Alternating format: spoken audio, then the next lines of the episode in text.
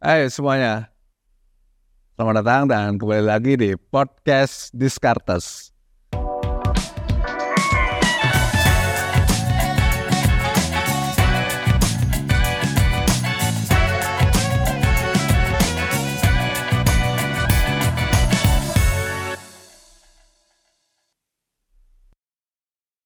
Kita udah masuk ke podcast Discartes season keempat. Setelah bertahun-tahun lamanya kita masuk ke season keempat dan kemarin sempat off.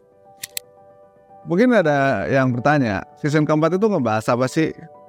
Well, season keempat Discartes akan ngebahas tentang keuangan udah pasti ya, mulai dari investasi, asuransi, terus money management, financial planning, stock market dan lain sebagainya. Semua yang berbau dengan keuangan. Karena memang konteks kita di sini itu kan ngomongnya soal finansial. Di season keempat ini, gue akan mulai dengan masuk ke episode pertama ngebahas tentang mitos. Mitos finansial yang sampai sekarang ada dan dipercaya. Ada beberapa mitos di dunia keuangan yang sampai sekarang masih terjadi dan akan gue bahas. Dimulai dari mitos yang pertama adalah terkait dengan pinjaman atau utang banyak orang yang bilang bahwa kalau misalnya lu kena pinjaman yang bunganya tinggi ya, ya udah deh salah satu caranya adalah dengan cari pinjaman atau utang dengan bunga yang rendah buat nutupin si bunga tinggi tadi. Which is menurut gua itu tidak bisa dilakukan terus-menerus. Kenapa demikian? Alasannya sederhana. Ketika kita menutup pinjaman yang bunganya tinggi tadi dengan pinjaman yang bunganya rendah, kalian harus tahu sebuah konsekuensi. Apa itu? Yap, makin panjang durasi yang dibutuhkan untuk melunasi utang kamu. Sebetulnya masih banyak berbagai cara yang dilakukan ya. Opsi tadi adalah opsi yang paling terakhir untuk diambil. Gua nggak pernah menyarankan kalau tidak terpaksa banget. Teman-teman juga harus ingat bahwa metode tadi yang kita biasa sebut dengan metode refinancing itu biasanya memunculkan biaya baru biaya tambahan yang kadang-kadang justru tidak bisa menutup pengurangan biaya yang udah ada atau perbedaan antara bunga tinggi dan bunga rendah tadi. Ya karena udah ditambah sama biaya-biaya lainnya ternyata ya sama aja, bahkan pinjamannya lebih panjang. Teman-teman jangan langsung ngambil kesimpulan kalau misalnya lagi punya pinjaman terus bunganya tinggi, oke deh gue langsung ambil cari bunga yang rendah buat nutup si pinjaman tadi karena nggak akan selesai itu masalah mitos yang kedua yang sering kali kita salah persepsi adalah terkait dengan gaji.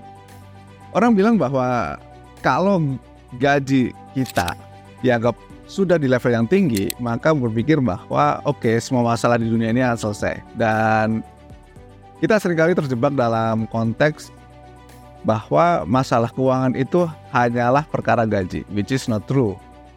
Kenapa gue bilang kayak gini? Pengalaman gue sebagai konsultan keuangan ya. Gue bertemu berbagai banyak orang dengan berbagai macam background. Nggak sedikit orang yang punya gaji tinggi, puluhan juta, ratusan juta.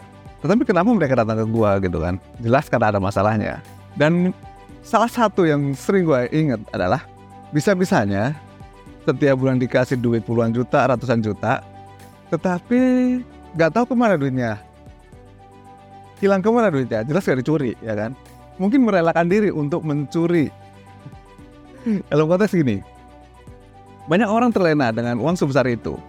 Kemudian mereka ngasal. Gak usah ngomong belanja deh. Mereka ngasal ingin melipat gandakan uangnya. Kalau ingat beberapa tahun lalu ada robot trading, ada kebun emas dan macam-macam gitu ya. Money game money game yang ternyata berujung-ujung pada ponzi. Mereka dengan senang hati ngeluarin duit untuk ikut dalam game seperti itu tadi. Apa akibatnya? Hilang sama sekali.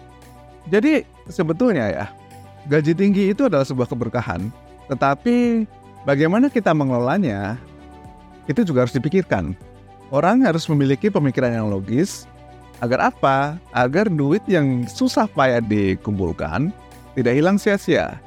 Jadi teman-teman, kalau misalnya teman-teman saat ini dalam konteks gajinya masih sedikit sedang berjuang biar duitnya nambah gitu ya iringi dengan kemampuan finansial yang baik, pemikiran yang logis.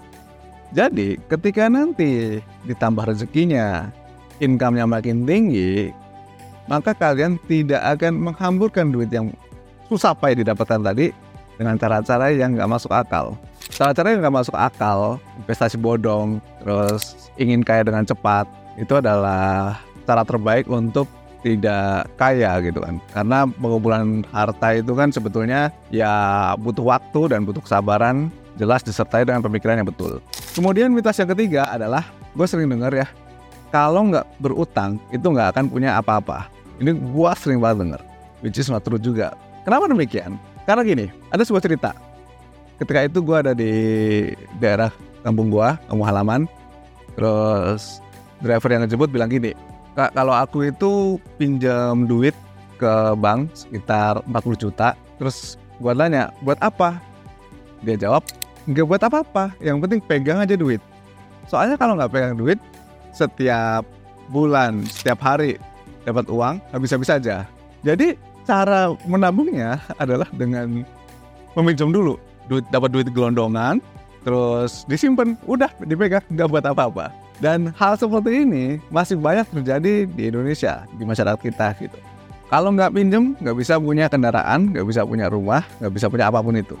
Sebetulnya kalau dipikirkan ya, problemnya itu kan bukan karena kita pinjam duluan, tetapi lebih kepada habitnya. Coba kalau dia misalnya nggak perlu nyicil ke bank deh, tapi nyicil ke tabungannya. Bisa jadi kalau dia konsisten, maka akan lebih banyak uang yang dia miliki saat ini. Kita nggak usah ngomong inflasi dan sebagainya karena dalam beberapa konteks itu tidak applicable gitu ya. Gue mau ingetin ke teman-teman semua bahwa paradigma tidak berutang itu tidak akan punya apa-apa adalah tindakan yang salah. Yang harus diperbaiki bukan utangnya, tetapi bagaimana habit kita dalam pengumpulan uang.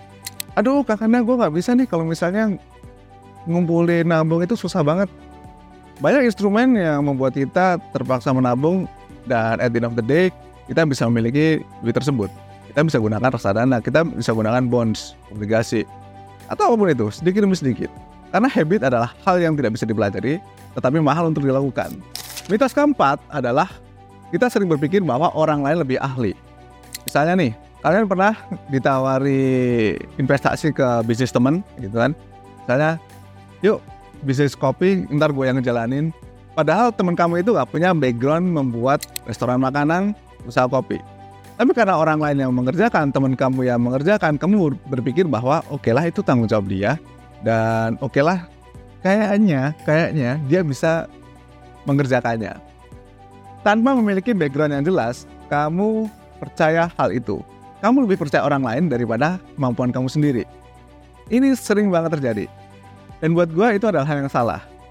Kenapa? Karena kita boleh percaya dengan orang lain untuk menjalankan usaha ketika kita sudah melakukan deep background check. Jadi nggak bisa kita tanpa ada deep research tentang orang tersebut, kita bilang oke okay, dia lebih ngerti daripada kita. Apa syaratnya? Syaratnya adalah ternyata kita harus memahami dulu bisnis tersebut tuh seperti apa. Jadi kalau kita udah paham bisnis kopi, maka kita bisa menilai, oh si A ini ngerti bisnis kopi karena dia bicara seperti A sampai Z sesuai dengan pemahaman kita tentang bisnis kopi tersebut. Ini bermakna bahwa sebelum kita naruh duit ke sebuah investasi, sebuah bisnis, siapa pun yang menjalankannya, kita harus tahu tentang bisnis atau investasi tersebut. Karena dari situ kita akan bisa memilih orang yang memang memiliki kapabilitas dan orang yang tidak memiliki atau omdo gitu. Mitos yang kelima adalah investasi selalu merugikan. Itu mitos yang baru-baru ini muncul lagi. Kemarin ada yang DM ke gue, bilang kayak gini, Kakanda, gue takut berinvestasi karena kemarin habis ketipu investasi di money game dan robot trading gitu. Gue akan bilang bahwa itu adalah dua konteks yang berbeda. Rugi dalam berinvestasi buat gue adalah pembelajaran yang bagus. Jadi teman-teman Kalaupun kalian pernah mengalami kerugian di pasar modal, di reksadana, atau di dalam bisnis, kita bisa belajar tentang kerugian tersebut. Kenapa sih ini bermasalah? Tapi, ya sifatnya money game tadi, itu adalah skema Ponzi.